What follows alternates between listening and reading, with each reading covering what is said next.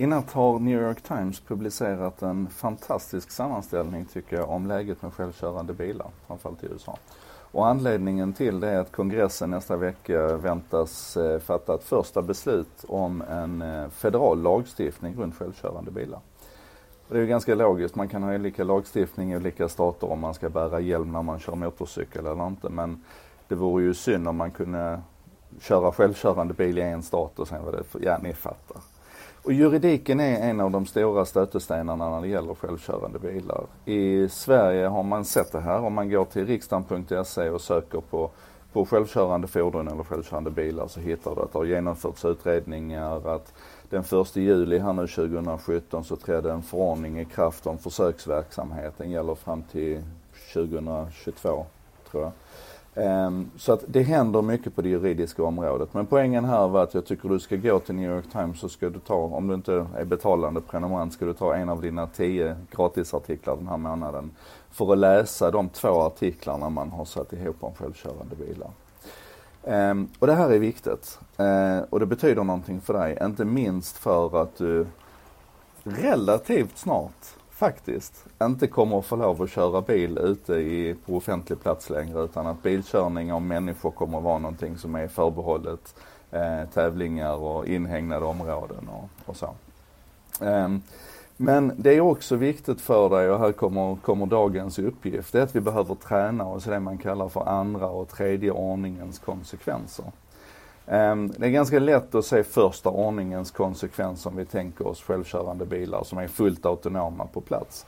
Ehm, och det är naturligtvis att jag eh, bara kan tala om för min bil att kom, kom nu och, och plocka upp mig om tre minuter så kör den själv ifrån parkeringsplatsen, stannar utanför din dörr, plockar upp dig, du sätter dig i baksätet, skitpackad om du så vill. Och eh, bilen kör dig dit du ska. Då är vi alltså på fullt självkörande bilar.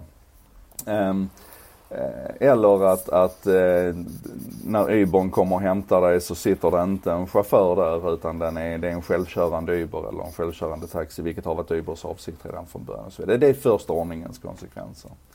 Andra ordningens konsekvenser det är när vi börjar fundera över vad det här i sin tur leder till. Alltså vad självkörande bilar i sin tur leder till. Och ett klassiskt exempel är att eh, eh, runt 95 av alla organtransplantationer idag, de kan utföras på grund av att folk har eh, avlidit i trafiken. Blivit svårt skadade och avlidit i trafiken.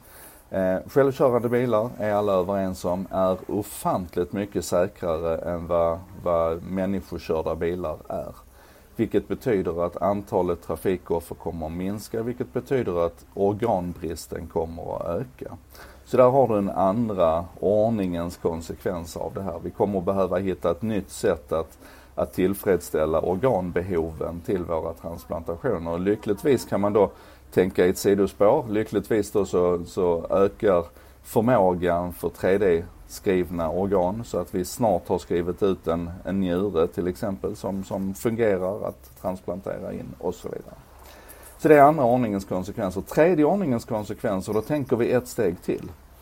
Ehm, och då kan man säga så här, en andra ordningens konsekvens av självkörande bilar, det är att ehm, eh, de kommer kunna vara elektrifierade i högre utsträckning för att de kör och fyller på ström själv ifrån laddstationerna.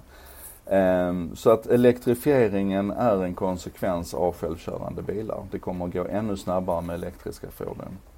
Och elektrifieringen i sin tur och bilar som kör och fyller på ström själv leder till att vi behöver färre bensinstationer. Och om man tittar i USA till exempel idag så sker 60% av all tobaksförsäljning den sker på bensinstationer.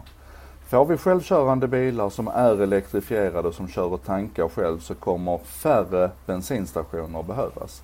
Och försvinner det bensinstationer så försvinner det försäljningstillfälle för cigaretter och enligt lagen om tillgång och efterfrågan, om cigaretter blir svårare att få tag på så kommer färre människor att röka.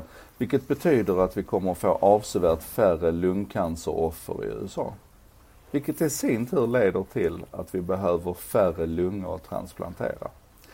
Den här, det här tankesättet, det här att låta idén fara iväg, så man börjar med ett frö och sen så letar man konsekvenser och och spelar upp scenarier av vad de konsekvenserna kommer att betyda och vilka konsekvenser de i sin tur kommer att leda till.